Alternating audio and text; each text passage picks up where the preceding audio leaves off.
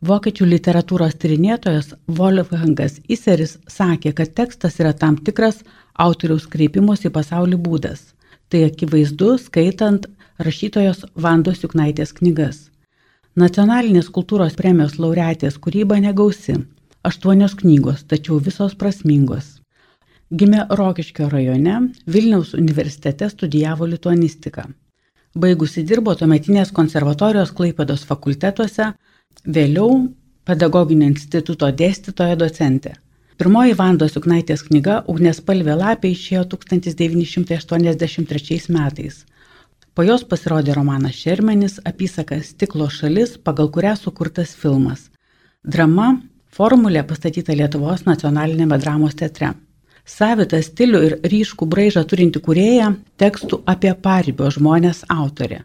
Knyga tariamas iš tamsos ir esė bei pokalbių rinkinys Išsiduosi balsu skaudžiai prabyla apie nepriklausomybės laikais užaugusius gatvės vaikus. Knygos pašnekovai nematantis, negirdintis, psichinę negalę turintis, tėvų palikti, artimųjų netektis išgyvenusieji vaikai. Kas paskatino imtis tokios sudėtingos temos? Ir iš kur kyla noras išmanyti skaudžią gyvenimo autentiką? Ramūnė, jūs manęs klausėt kaip rašytojos, o tos rašytojos, tos profesorės jau seniai nebėra. Kodėl? Yra naujas žmogus, yra griūvena, neįgali griūvena, kuri gyvena visiškai kitą gyvenimą ir žiūri į visiškai kitos perspektyvos, bet tie psichiniai ligoniai, tie pamesti vaikai, jie kalba apie tą gyvenimo tikrumą. Jie gyvena tikrą gyvenimą, jie nemoka apsimetinėti šitie žmonės. Ir tas be galo traukia visą laiką. Ir dabar ta situacija, kurioje aš pati esu, nebeleidžia apsimetinėti, nebeleidžia vaizduoti to, ko nebėra. Visi ant pečiai nuimti. Visos regalijos. Ir kai mes nainam su sunum pas gydytoją, tai gydytojas kalba su sunum, ne su manim. tai aš šį kartą kalbėdami šipsosimės, kalėdos. Bet vis tiek e, pasirinkote tuos vaikus.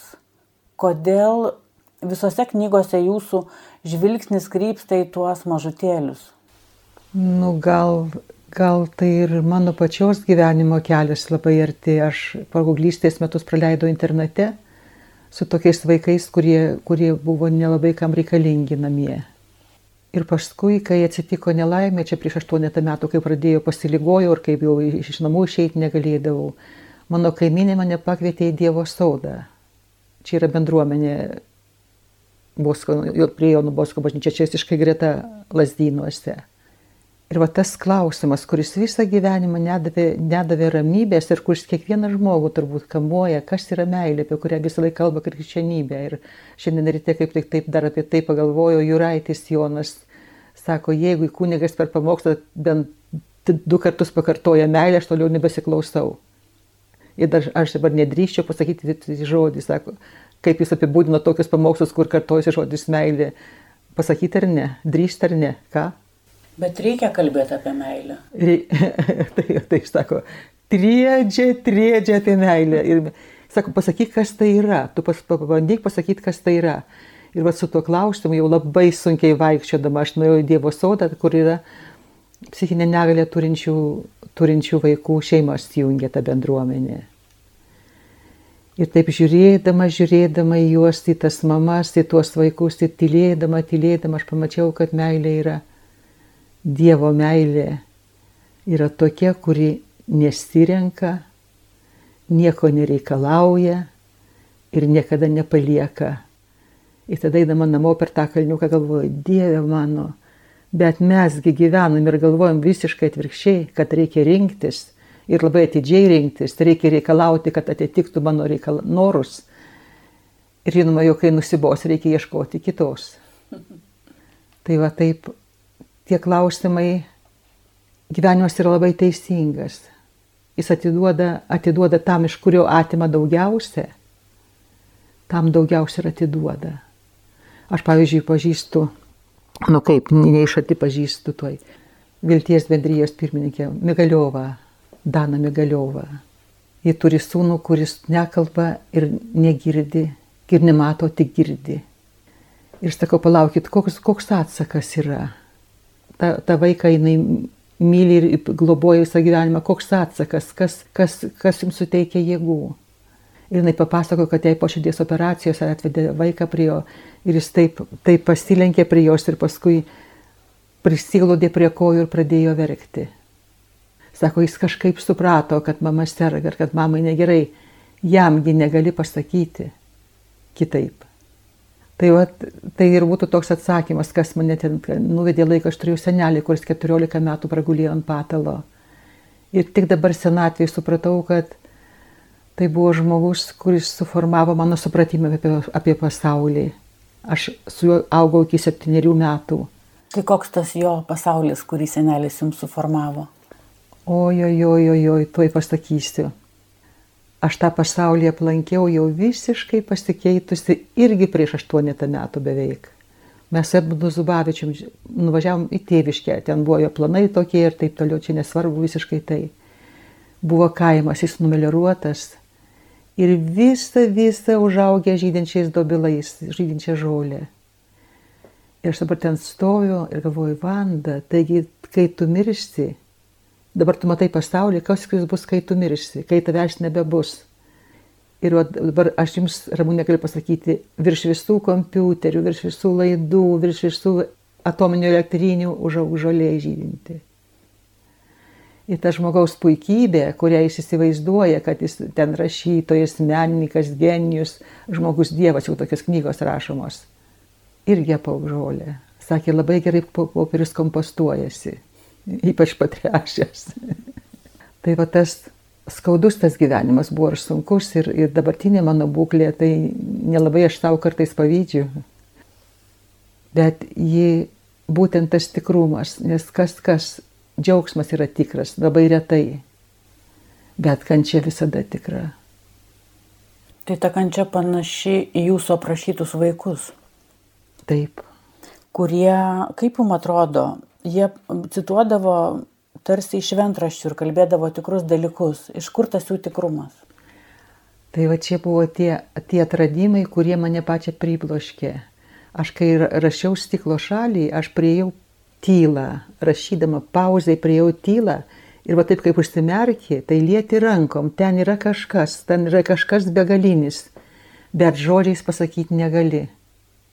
Ir kiekvieną kartą pradėdama naują knygą aš bandydavau pasakyti, kas ten už tos tylos, bet ten transcendencijos riba, pasaulio yra ribos peržengimas tarp šiapus ir anapus. Ir tie vaikai, pagalvojau, turėtų atsiminti, dar jie nėra pamiršę, vaikas mažas žino daugiau negu, negu senelis, jis pasako tokius mintis kartais, kad esi priblokštas. Ir galvoju, reikia klausti vaiko, gal jis pasakys. Tai va čia prasidėjo mano tas, pradėjau tą darbą, pasirinkdavau vaiką eidavau į pamokas klausyti, kaip jis, kaip jis tyli, kaip jis atsakinėja. Ir matai, kad negali tu pakilti iki vaiko širdies, kad galėtum užduoti jam klausimą, iki jo švarumo. Nu, tu bejėgėsi, tai kitas pasaulis, kuris ne tavo rankose, kuris Dievo rankose. Tai jau tada pradėjau melstis ir valandą kiekvieną dieną melsdavausi galvodama apie tą vaiką visą laiką, kad nieko neprašydama, bet kad galėčiau, kad galėčiau su juo kalbėtis ir neregė Loreta. Buvo, ten yra tas stipriausias tas pokalbis. Aš neatsimenu, koks mano buvo pirmas klausimas, bet jos atsakymas pirmas buvo toks, aš turiu save pačią. Gyvenimas man brangiausias dėl to. Ir pats Jonas Juraitis buvo padovanojęs man teologijos žodyną, sako, nusipirkit teologijos žodyną, jeigu ne aš jums nupirksiu. Tai taip aš įsigandau, kad gali tai būti. Nusipirkau teologijos žodyną ir ten teologijos žodynė yra toks sakinys. Aš tada, kai Loreta taip ištarė, aš, aš atsiminiau ten parašytą džiaugsmingas savęs paties turėjimas, savo gyvenimo kaip dovanos suvokimas yra Dievo buvimo įrodymas. Ir vaikas praktiškai pasakė tą pačią sakinį, aš turiu save pačią, gyvenimas man brangiausias dėl to. Bet jinai nežino, kas yra žodis teologija. Ir niekada jokių mokslo neįjus ir neskaičius. Ir va tada pamatai, kas į žmogų įdėta. Kas nuo, nuo tavo žinojimo, nuo tavo supratimo, nuo jo įsilavinimo nepriklauso. Ir jam, ir jums, ir bet kam duota įdėta į žmogų. Bet dažnai mes išbarstom tos gerus dalykus. O jie išsitrina tai tiesiog kaip, kaip nebūta. Nu, kaip juos saugot, kaip jums atrodo? Man atrodo, kad tas, kas davė, tas juos ir saugo, tik nereikia, nereikia užverti širdies. Pavyzdžiui, va, tie vaikai, gatvės vaikai, kuriuos mes, mes tada buvo kiti pasikeitimo laikas. Ir darai tai, ką matė, kas būtina, negalvodamas, kad nesugebi, kas tau už tai bus ar kaip. Nu, tas tie pirm, pirmasis dešimtmetis buvo labai sunkus. Tuomet, kai jūs norėjot surenkti kalėdų eglutę prieš 20 metų Vilniaus. Surengėme ją ir mus, mus, mus policininkai žadėjo nušauti. o kaip jautėtės, kai, kai gavot atsakymą, kad neva daro gėdą Lietuvai, norėdami vaikam beglobėm surenkti eglutę? Nu, čia niekaip ramiai. Žinai, kad žmogus sėdi savo šiltoj vietoje ir tiesiog jis nema, nu, nepakelia akių nuo savo popierių. Jokio pykčio. Bet jisai irgi toks pat Dievo kūrinys, kaip ir tas beglobis vaikas. Bet jis nežino. Ir atsiranda didžiulė praraja. Jis nežino taip, kaip žmogus, žinokite, ramūnė, žmogus nežino, kad jis mirs. Kiekvien, ir kiekviena sunki lyga, pati sunkiausia, yra labai, labai su garsiakalbiu, kaip, ten, kaip Šventoji Faustina sako, yra Dievo garsiakalbis. Yra pasakymas, kad tu mirsi, bet ar šiandien, ar rytoj visi, bet visi turi, ne, aš šiandien, jeigu ne šiandien, tai rytoj ir nereiks. Tai va tas, tas sužinojimas yra labai skausmingas, labai skaudus. O ką jums davė ta žinia? Nes jūs dabar jaučiate tą artėjančiam Man... žinybę, nes sirguliuoja. Dar, dar, dar, dar aš užbaigsiu apie tuos vaikus, apie tuos vaikus orumo jausmas, pagarbos žmogų jausmas ir savigarbos jausmas, be kurio neįmanoma jokie žmonių santykiai tarpusavio. Buvo į juos įdėtas. Mes jūs paėmėm iš gatvės ir jie sakydavo, vienas žino, kas mes esame, mes esame šiukšlės. Ir kai jų akivaizdoje būdavo žeminamas žmogus, tie pradėdavo klykti kaip skerdžiami Ir šitą jausmą, kai mes tada išėjome iš tos, iš tos būsios sistemos, turėjo retas suaugęs žmogus. Jis buvo įsižadėjęs savo orumo. Jų gyvenimas mus priverčia ir, ir, ir pataikauti, ir duoti kyšį, ir, ir meluoti. Nėra tokio žmogaus, kuris to nebūtų daręs. Bar, o kaip tiem vaikams pavyko išlikti tokiem bekompromisiam? Jie nieko daugiau neturėjo, tik tai gyvenimą ir jo, ir jo skausmą. Ir tas, tas išgrynino viduje, jiem neleido meluoti. Čia buvo tiesa, ramūnė tas klausimas iš tų pasiturinčių šeimų vaikai. E, taip, kad jūs, jums teko pažinti ir beglobius, ir labai aš pasiturinčių. Aš sąmoningai ten, sąmoningai paprašiau įratės, kad priimtų mane vesti pratybas. Nes mes iš tų savo gatvės vaikų mokėmės, mokėmės, mes mokėmės dvasios stiprybės. Ir aš pagalvoju, turėtų būti šitie vaikai, kurie turi tėvus, kurie turi namus, kurie turi aprūpinti viskuo. Jų nesaugumo jausmas bus didesnis, jų gyvenimo baime bus didesnė. Nes ta tikrovė, rūšti, juoda siaubinga tikrovė, tuos vaikus sutraiškė beveik, beveik visų nebėra gyvųjų tarpe bet jie mokėjo džiaugtis gyvenimu, jie gyveno pilną gyvenimą. Ir tie vaikai, kurie, kurie gyveno aprūpintuose šeimose, kurie tėvai darė, darė verslą, turi, nu, pinigus, už, buvo toks laikas.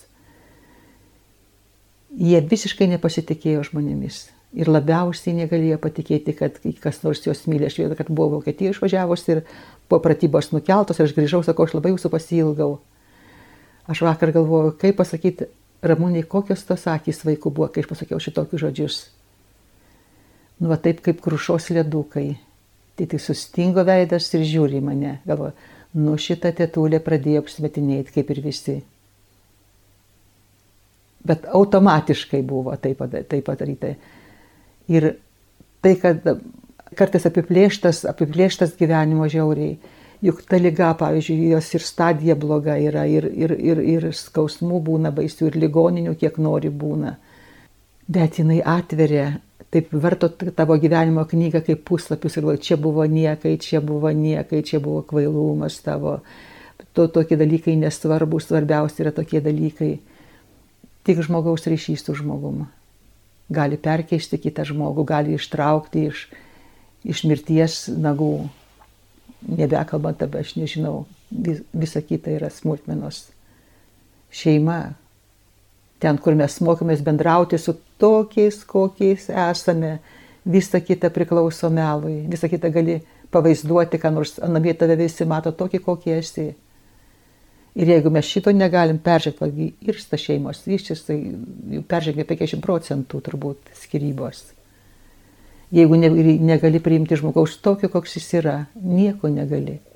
Nei savo duoti, nei kitam. Ir ta drąsa gyventi iš vaikų yra mane į ant kojų pastatė. Buvo labai labai sunkus laikas, vaikas ir gal visiems buvo mums sunkus permanų laikas. Tuomet jūs kalbate apie tą laikotarpį, kai jūs... Kai, kai su gatvės laikais dirbom. Kai, kai jūsų sunus labai sirgo. Sirgo taip daugybę metų.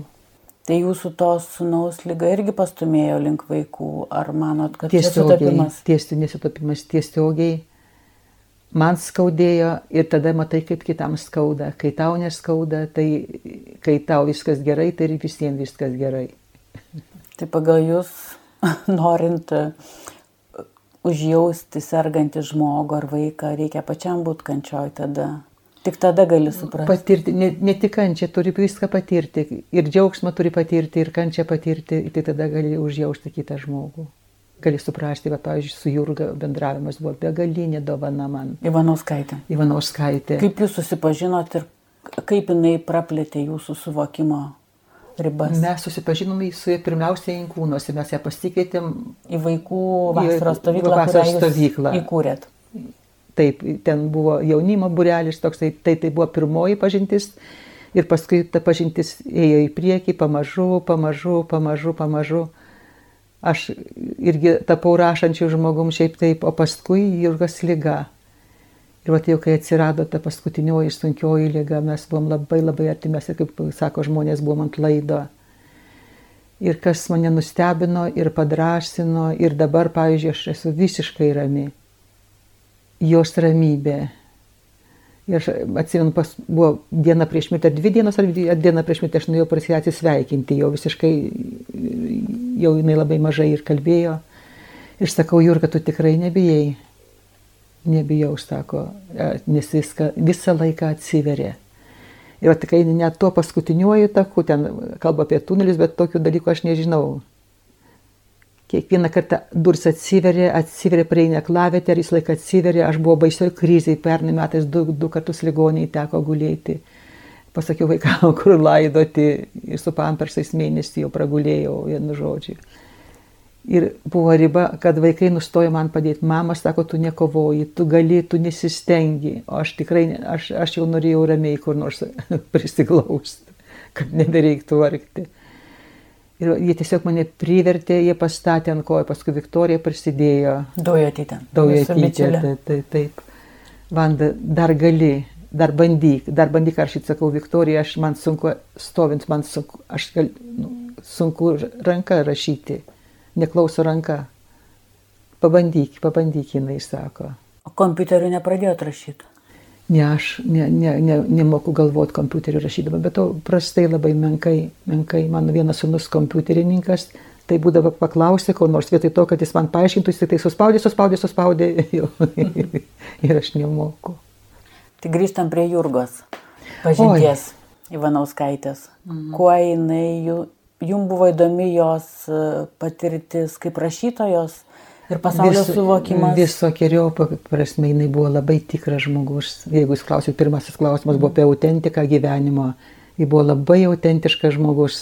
Tegu jinai ten da, norėjo padaryti įspūdį, jinai mėgdavo persirengti, apsirengti, bet viduje buvo visiškai nedviveidis ir netriveidis ir net keturveidis žmogus. Jei jinai buvo vienišė, ją labai reikėdavo intensyvaus bendravimo su žmogum. Ir trumpą laiką, valandą kokią. Nesu gyvenime tokio stebuklo buvęs, kad kalbėtume apie žmonės, apkalbėtume žmonės arba kaip jie ten rašo, ar kaip negerai daro. Jei buvo reikalingas kitoks ryšys ir tas, ta autentika labai mažai tokių žmonių, tarp kitko, yra. Ir ypač meno pasaulyje. Kodėl? nu, visi nori būti didesni už save pačius. Jurga nenorėjo būti ir tas jos drąsa, pavyzdžiui, kaip jinai išmaišė tą Tibetą, o Dieve. Ir atvirumas gyvenimui, pavyzdžiui, kaip ta vaikiuka jinai per liūtį matė, per musonų liūtį juos ant suluošina, kad galėtų rinkti išmaldą. Ir per purvą vaikas šliaužiantis, išmaldos prašantis didelėm, didelėm akim ir sako, aš pamačiau viso pasaulio skausmą tos akise ir jos tas ėjimas prie Jėzaus irgi viso gyvenimo buvo toks natūralus ir kryž, kryžiaus prasmės atsiveria tik ant kryžiaus. Ir kiekvienam taip yra.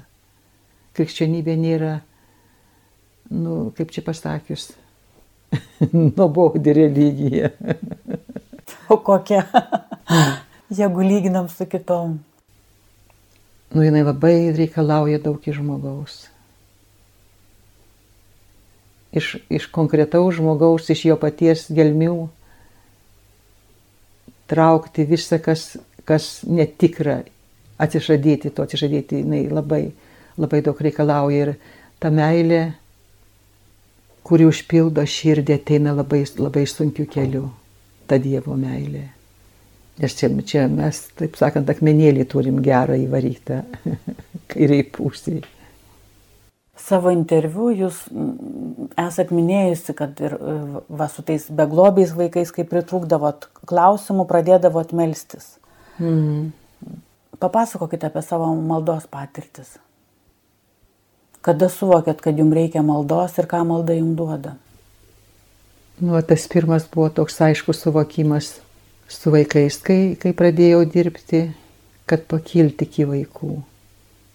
Vaiko širtim galima matuoti matuoti, viską galima matuoti. Paskui buvo rožančius. Ir labai daugelis žmonių tą rožančiaus maldą, jinai nuobodi, sveika Marija, sveika Marija, sveika Marija, tėvė mūsų, sveika Marija. Ir pradeda keistis gyvenimas, jis pradeda, aš turėjau depresiją labai didelę. Ir melštis nėra kada, trijuose darbuose dirbi, reikia už, už, uždirbti, uždirbti duoną vaikam. Ir paskui supratau, kad gyveni troleibuse, nuo, nuo, nuo, nuo, kai įlipi į troleibusą iki išlipi darbę, turi, turi 20 minučių. Ir per tą laiką galima sukalbėti rožančių. Ir visi tie vaizdiniai, kurie kildavo, kurie greitai keisdavosi, labai nesustabdomai pradėjo ramiai, ramiai gulti, įseka, įseka, įseka. Ir naini darbą visiškai ramiai. Paskui Paskui čia dabar, kai tas susižeidžiau ir paskui ta lyga prasidėjo, buvo baisus skausmas stuburo. Nežmoniškas tiesiog. Neiškenčiamas. Ir aš per dieną kokius aštuonis rožinius sukalbėdavau. Ir tai man padėjo ištverti, aš taip kitaip būčiau nepakėlusi, dabar aš keliu nuskausminančius, tai jau tiek daug nesimeldžiu. Bet vis tiek, vat, Pavyzdžiui, labai sunku žmogui patikėti Dievu. Ten, jei turėčiau tikėjimą, kad galėčiau net kalnus kilnoti, toliau seka, bet neturėčiau meilės, aš būčiau niekas. Tai tą jėgą pajust, kuri kalnas kilnoja, reikia viską sudėti į Dievo rankas. Labai gera laida yra Marijos radijoje apie alkoholikus. Ši mano mylimiausia laida. Aš alkoholikas toks ir toks, tiek metų geriu, žodžiu, ir aš supratau, kad mano gyvenimas yra nevaldomas ir kad aš jo negaliu tvarkyti vienu žodžiu ir man gali padėti tik tai aukštesnioji jėga. Bet tai nėra žodžiai. Nes, pavyzdžiui, dabar mano situacijai senatvės, degeneracinės lygos, jos yra, jos yra vienos krypties. Ir žinai, kad niekas, yra momentų, kad pait negali atsikelti iš lovos, nebegali, niekas, niekas tau nebegali padėti, viskas yra Dievo rankoje ir nurimsti, nurimsti, nurimsti, dabar sakydamas, kad dievulį, dabar mes kelkime iš lovos, reikia šį kartą dar, dar pavaikščioti. Bet tas atsidavimas, atsidavimas Dievo valiai, Jurga tą yra sakysi, Tomas Šernas. Jis bendravo su juo, jie gyveno ten vienoje, vienoje, tame, tame pačiame gyvena ir kai buvo, jinai susirgo, dabar aš nebeatsimenu, kokie buvo Jurgos, būtų visiškai tikslus Jurgo žodžiai, bet vienu žodžiu, kad jinai, nu, prašo Dievo, kad jai padėtų, ar kaip tenai, nežinau, kad jinai labai meldžiasi, ar kaip. Tomas Šernas sako, nusiramink. Ramiai atiduok, nieko neprašyk, atiduok ramiai į jo ranką, į Dievo rankas.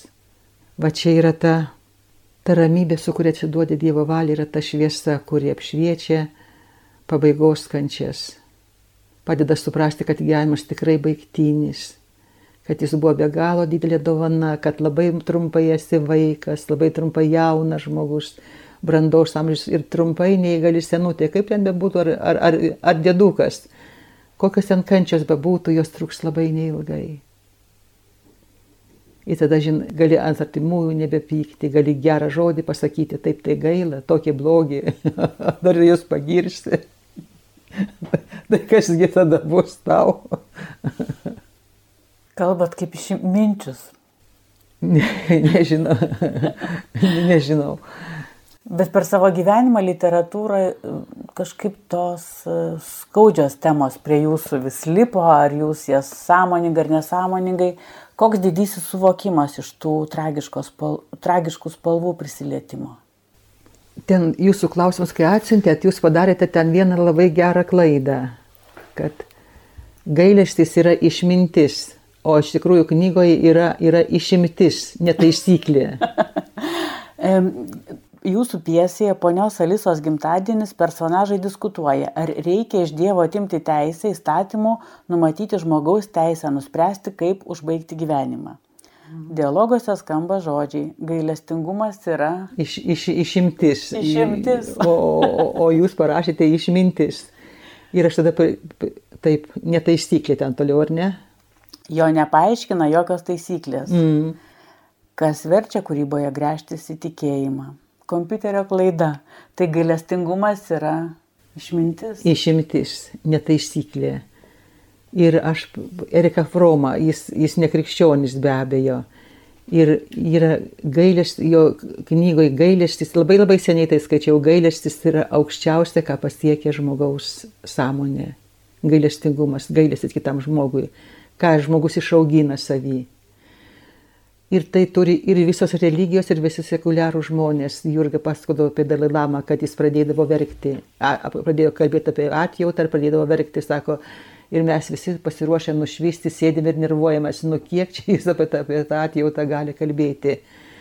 Tai yra, tai yra bendra žmogiška, tai įdėta kiekvieną žmogų ir kiekvienam prieinama jo būdu. Jo tai neišmintis, bet žmogus išsižada gailesčio kaip apsunkinančios jos jį prievolės.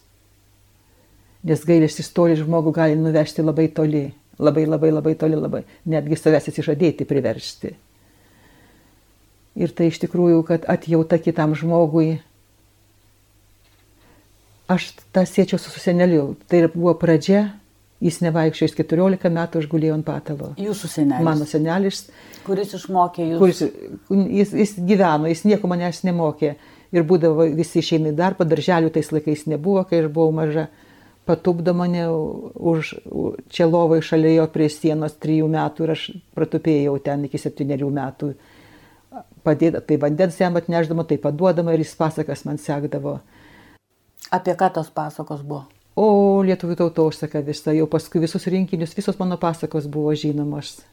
Tai atjauta, ta, nu, paskui sunus baigė socialinį darbą ir jam padovanojo tokią, ne jam, jo visam kursui padovanojo tokią knygą. Vienas amerikietis kareivis susirgo poliomelitų, vienu žodžiu, ir susirgo poliomelitų ir tapo neįgalus. Jis gyveno su prisegamais plaučiais žodžiu, plaučių ventiliatorium gyveno šitaip, šitais plaučiais jis baigė, baigė aukštą į mokslą, vedė, susilaukė vaikų, vienu žodžiu, nu netikėtinos istorijos. Ir ten buvo parašyta, kad, kad atjauta, mes gyvename su kitais žmonėmis, kiti žmonės mums yra nepaprastai reikalingi, tik mes to nepastebime, kai stipresni esam. Ir jis ten rašė, kad vaikai, kurie aug, turėjo šeimoje neįgalų brolį ir seserį ir senelį ir ką, jiem visiškai nesunku padėti kitam. Kiti žmonės jaučiasi, jaučia diskomfortą, vargą, apsisunkinimą. Turėjo šeimoje neįgalų brolį, jiem tai savaime, man tai nebuvo kas nors specialiai ieškojimas tokių vargšų, savaime tai nuėjai, be jokių pastangų. Jau buvo kodas įdėtas ir, ir, ir, ir, ir vykdai uždavinį. jūs ne tik tai įrengėt e, Anikščių rajone vasaros stovyklą vaikam, bet ir kovojot už mirties bausmės panaikinimą o. ir bendravote su nuteistaisiais. O čia etapas irgi gyvenimo. Kaip jūs patekote tuos, į tą kompaniją? Nu, tada sirgo gytis ir buvo, visą laiką buvimas šalia, šalia mirties, trapios gyvybės. Man kasdien, kasdien atverdavo, taip, taip, atverdavo jo gyvybės vertę. Ir kai nueini, ir paskui aš tada, kai jau rašiau apie mirties bausmę, aš buvau, daug žmonių aplausų ir aš buvau kategoriškai prieš, bet intuityviai buvau, aš nežinau, neturėjau tikrų argumentų, aš skaičiau daug, kiek ten dar nedaug tos medžiagos buvo, buvo skaičiau, bet visiškai aš tą pati savo perpratau iki galo, kai dirbau su gatvės vaikais. Mūsų gatvės vaikai pamažu išsivaikščiai po kalėjimus be abejo ir už nužudimus. Jie nieko kito negalėjo išmokti, jas išmetė kaip, kaip šuniukus, kaip, kaip kačiukus į gatvę. Ir tada pamatai, gali savo pasakyti ramiai, pasakyti ramiai širdimi iki galo, vaikas ir tas žmogus yra nekaltas. Jam nusikalto kiti žmonės ir jis tapo tokiu, kokiu, tokiu baisiu pačiam savo visiems kitiems. Vaikai, pavyzdžiui, kai mes iš stoties kalbinom juos eiti iš stoties, mes nenorim būti stoti, mes norim, iš ten išeiti, bet Dieve mano jau kaip įtrauktas, kaip įliūna, kuo labiau maliesi, tuo labiau skęsti. Tai va tas, tai buvo, tai buvo savaime visiškai, savaime aiškus dalykai, tai nebuvo, kad paėmiau, labai buvo įdomu, Glinskis paskambino man, Vantas sako, reikėtų apie mirties bausmę parašyti, ką nors. Sakau, nu gerai, sakau, tai jeigu manęs neskubinsit, neskubinsit, aš pabandysiu. Ir tada aš važiavau į kalėjimų departamentą, gavau leidimą su dokumentais ir su bylom, ėjau į kalėjimą, kalbėjau su tais žmonėmis, kurie tai, tai vykdė yra. Ir parėjau namo ir atsiguliau dviem savaitėm, susirgau ne, nepakeliamą. Paskambinau Glinskį, sakau, žinai ką, negaliu tu prašyk vyrą, sakau, čia ne moters darbas. Jisai sako, iki tavęs jau visi atsisakė. Sakau, nu tada gerai, sakau, duok man laiko, aš padarysiu. Tai bet labai buvo skaudu tos reakcijos žmonių, kadangi visi buvo už. Tai, tai nelaisva visuomenė buvo, kur bausmės buvo vienintelis teisybės supratimas. Jeigu jis blogas ir reikia nubausti, mes gyvenom tokioje visuomeniai. Tas, kuris baudžia, buvo geras. tai va ta mirties bausmė savaime, savaime ta, nu, ta, tas viskas, viskas savaime. Nebuvo, net buvo taip, kad aš sugalvojau, na, iš ir į, į gatvę ir, ir rinksim vaikus. Mes pradėjom dirbti inkūnuose visai su kita programa. Ir paskui per stotį važiuoji, vaikai renka kartonus, jie rinkdavo ir mat, savo akį mačiau, valgo bananų žievės. Ir tada, tada mes pradėjom vaikščioti į stotį, sakau, gal kas nori su manimi stotį, pasidarom buterbrodų, taip apie tą, tą vietą sukinėjasi, iš pradžių nieko neįnertint, kad vaikas įsidėmėtų veidą, nes jis neims duonos kaip iš rankų svetimo žmogaus. Tada įsidėmė veidą, tada užkalbini, tada kitą dieną naini jo buterbrodą jam nuneši. Buvo, buvo siaubingas laikas ir visada tokiais suiručių laikais kenčia vaikai ir seneliai, silpnieji. Nuo ko pradėdavot pokalbį su vaiku, kurio nepažįstat? Kokiais žodžiais, kokiom mintim? dabar jau negalėčiau jokių būdų atsiminti, tylėdami. O ten stovi šalia, vaikai čia rinka kartonus, jie tarp savęs žaidžia, o mes čia stovim šalia ir plepam tarpusavį, nematom jų. Paskui kažko elementariai paklausė, žodžiu, ar kiek už tos kartonus moka, kiek jums, man atrodo, dabar bijau pasakyti, penki litai buvo Erikui reikėdavo parnešti namo 5 litus per dieną, tai buvo labai dideli pinigai, jeigu atsimenat. Mhm. Kad už tiek, už tiek litų surinkti kartonų ar 20 kg. Vaikas susenęs, susenęs, kraustykoliai išsikyšė, išsikyšė. Tai va, taip gyvenimą aš sugalvoju. Kai atvirom akim Eleonorė Dicin, Hans, Hanso Falados Marti, vokiečių rašytojo Hanso Falados smarkiai. Mes Berlyne susipažinom, jau jinai buvo garbaus amžius, atvažiuodavo ir jinai iš, įsidėmėjo iš bendravimo tokį sakinį, kai gyveni atvirą širdim, visada patiri labai daug skausmo. Bet toj užmūrytoj tikroviai, man atrodo, labai šalta. Jūsų kolega Donaldas Kajokas yra o, sakęs, Donaldas. kad paskutinėse knygose atsisakėte savo ego. Iš kur randasi tokia krikščioniška pozicija? Nu, Jurga, kol buvo budystė, tai irgi apie tą ego, ego kalbėjo su tokiu pat, su tokia pat būtinybė atsisakyti jo. Man atrodo, ten veda visos religijos, ne tik krikščionybė. Pamatyti kitą žmogų, vežda ir ta, ta humanistinė filosofija, pamatyti kitą žmogų, atpažinti jame žmogų. Mes gesame vienas kitam veidrodis. Ir tas ego nu, kvailumo viršūnė šiaip jau yra, jeigu paprastai žodžiais kalbėti, tobula kvailystė. Bet ta tobula kvailystė yra nuo pasaulio sutvarimo pradžios apie žvėjį žuvelę pasaką, žinot tą, kur norėjo būti carienė, paskui Dievo norėjo būti. Ir dabar žmogaus Dievo problema, jinai amžinoj, amžinai laikanti pasaulį kvailybės gniauštuose.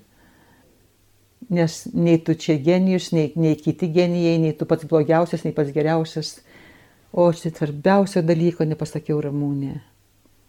Kai nuėjau į Dievo sodą, aš pasijutau paleista iš kalėjimo. Va čia Donaldo atsakymas, aš jį labai myliu ir nepaprastai gerbiu ir labai įvertinu. Nebėra prieš ką pasirodyti. Visų, iš visų šarvų išima tave. Viskas yra čia ir dabar, jokios karjeros, nei tu čia sublizgėsi, nei tu čia kažką nepaprasto pasakysi. Būk ramiai, džiaugis su visais jie tau, jie nieko nemoka, tik mylėti, tik mylėti, nieko daugiau nemoka. Ir tavo širdis savaime atsiveria. Ir tas ego, kur jisai nudingsta, tai pamatai, kad tu esi kvailesnis už proto negalę turinti vaiką ar žmogų. O atrodo, kad mes, oho. ir būtent čia su tuo ego susijęta labiausiai su egoizmu. Tie visi nereikalingi dalykai, visos kovos, visos naštos. Teologas Jonas Juraitis, mm. buvęs artimas jūsų bičiulis. Taip. Ką jisai naujo jum parodė, ką iš jo sužinojot, ko nežinojot iki pažinties su juo? Nu, aš, man atrodė, kad aš žinojau, bet aš apsimečiau, kad žinau. Vis dėlto svarbiausias, vienas dalyk, pats svarbiausias dalykas tai buvo sielovada. Jis visą laiką mes dažnai ilgai, ilgai kalbėdavomės telefonu ir jis visą laiką parodydavo man žingsnelį į priekį. Visiškai neprikišamai, ar tu eik, ar tu ką, bet vat, kad ten dar yra išėjimas, eini, eini ir prieini aklavietę. Ir ten yra išėjimas. Tai jis parodydavo ta, man atrodo, kad čia yra sielovados esmė. O kitas dalykas, ką jis par, neparodė, bet jis tiesiog kuolų įkalė atsakyti už kiekvieną savo žodį. Aš paskui dabar galvoju, ne už kiekvieną žodį, už kiekvieną raidę. Jeigu sakai, tai tu turi būti tikras, kad gali už šitą tiesą paguldyti galvą. Jeigu negali paguldyti galvos, būk malonus susičiauk ir, ne, ir, ir ne, ne, neplepėk. Tai va tas buvo jis pats to labai laikėsi ir nepaprastai, nepaprastai grina ta asmenybė, nepaprastai proto didelio, bet jis taip ir nepasirodė viešumoje, ar ne, niekas jo nepažino. Tik tai, tik tai tie žmonės studentai, Artimi. kurie, tik tai artimieji.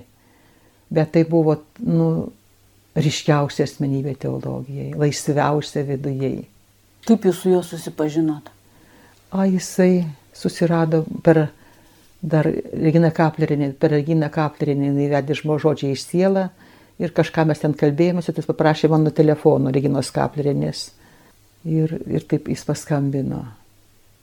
Perskaitė šermenis ir paskui jis labai daug man padėjo rašant knygą tarimus. Ir, ir išsiduosi balsu ir tarimus iš tamsos. Šitos dvi knygos jau kur to, kur to ego nebėra labiausiai jis padėjo, aš buvau jo vedama, man buvo, man buvo labai didelė pagalba. Tarp kitko, tarimas iš tamsos yra išverstas į hebrajų kalbą. Ir ne tik į hebrajų, daugelį kitų kalbų. Vienu žodžiu, taip, kad aš esu gavus Nobelio premiją. Džiugu. Dar ne, grįžtant prie kalbos, jūs nekartą esate sakiusi, kad kalba kuria tikrovę. Pastaruoju metu vis dažniau girdim valdiškas savokas - paslaugos, funkcijos, klientai. Kokie grėsia visuomeniai padariniai, vartojant tokią kalbą? Tai aš du dalykus noriu čia pasakyti. Vienas dalykas, kuris užmušė mane, tai iš tikrųjų vienintelis dalykas, kuris užmušė, mes buvom globos namuose su Juratė Baranova. Ir aš einu ir negaliu, ir darbo atvarkė parašyta ten taisyklės vaikam.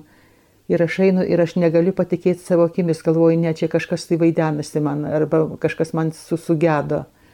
Mūsų klientai. Ir šitai kalbam apie vaikus.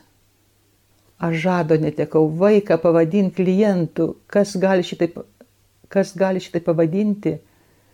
Nu, visa, ką tu darai, yra visiškai beprasmiška, nes jeigu tu vaiką klientų laikai, tu turi laikyti vaiką, ne tik pavadinti. Tavo klientas. Va tokie momentai atveria, atveria siaubą šitų žodžių. Tai vienas dalykas. O kitas dalykas, aš buvau paskutinį mamos gyvenimo vasarą. Jis labai mėgo, 94 metų mirė, labai mėgo skaityti laikraščius. Ir aš pasakysiu apie kalbą dabar.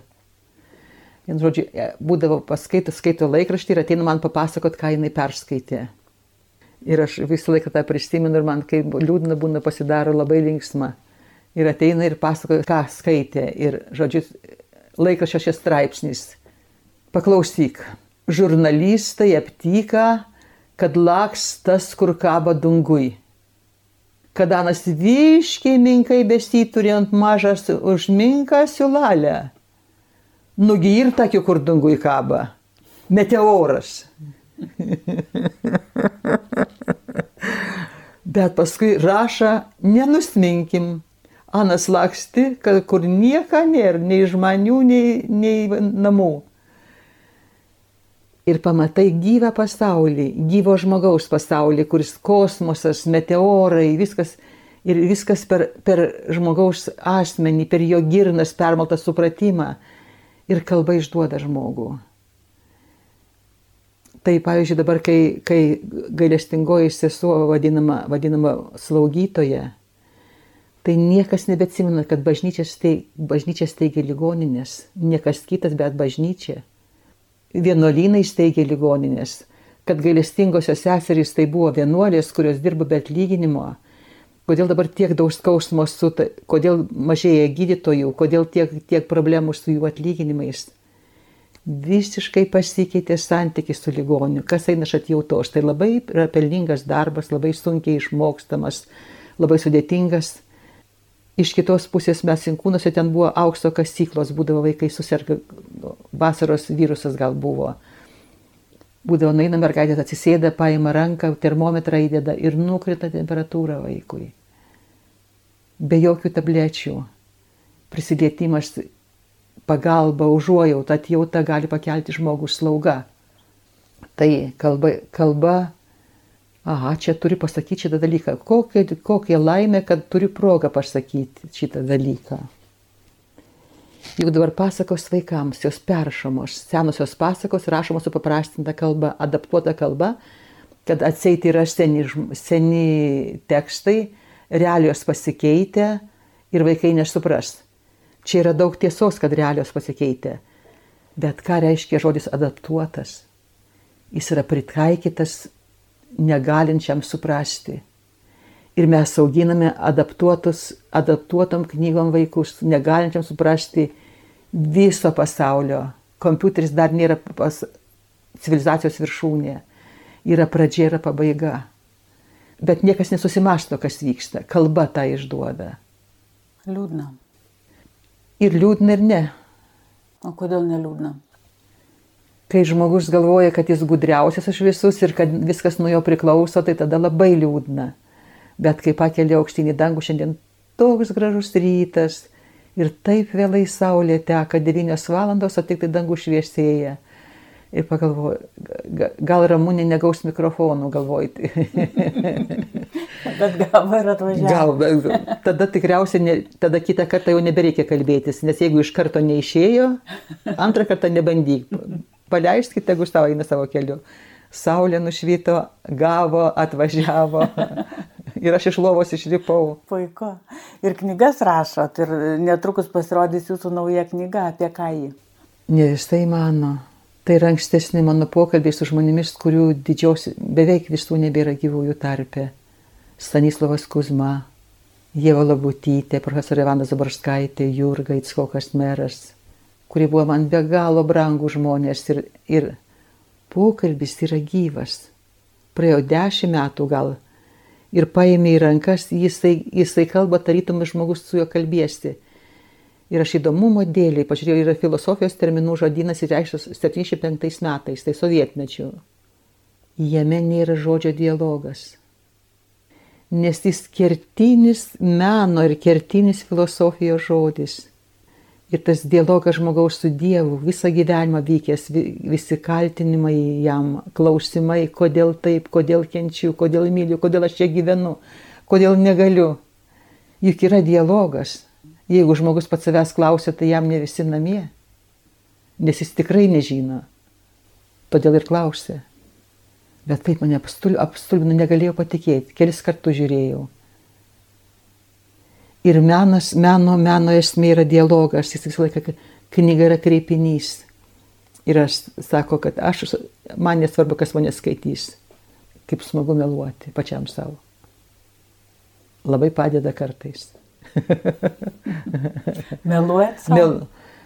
Nu, labai labai retai. Aš buvo momentas, čia prieš daugelį metų, prieš kokių penkiolika metų aš dar dirbau ir važiuoju per žirmūnų, per, per lasdynų tą tiltą ir apie melą, kaip tik tai galvoju, galvoju, palauk, taigi tu, tu niekam nebemeluoji, bet tu meluoji pati savo.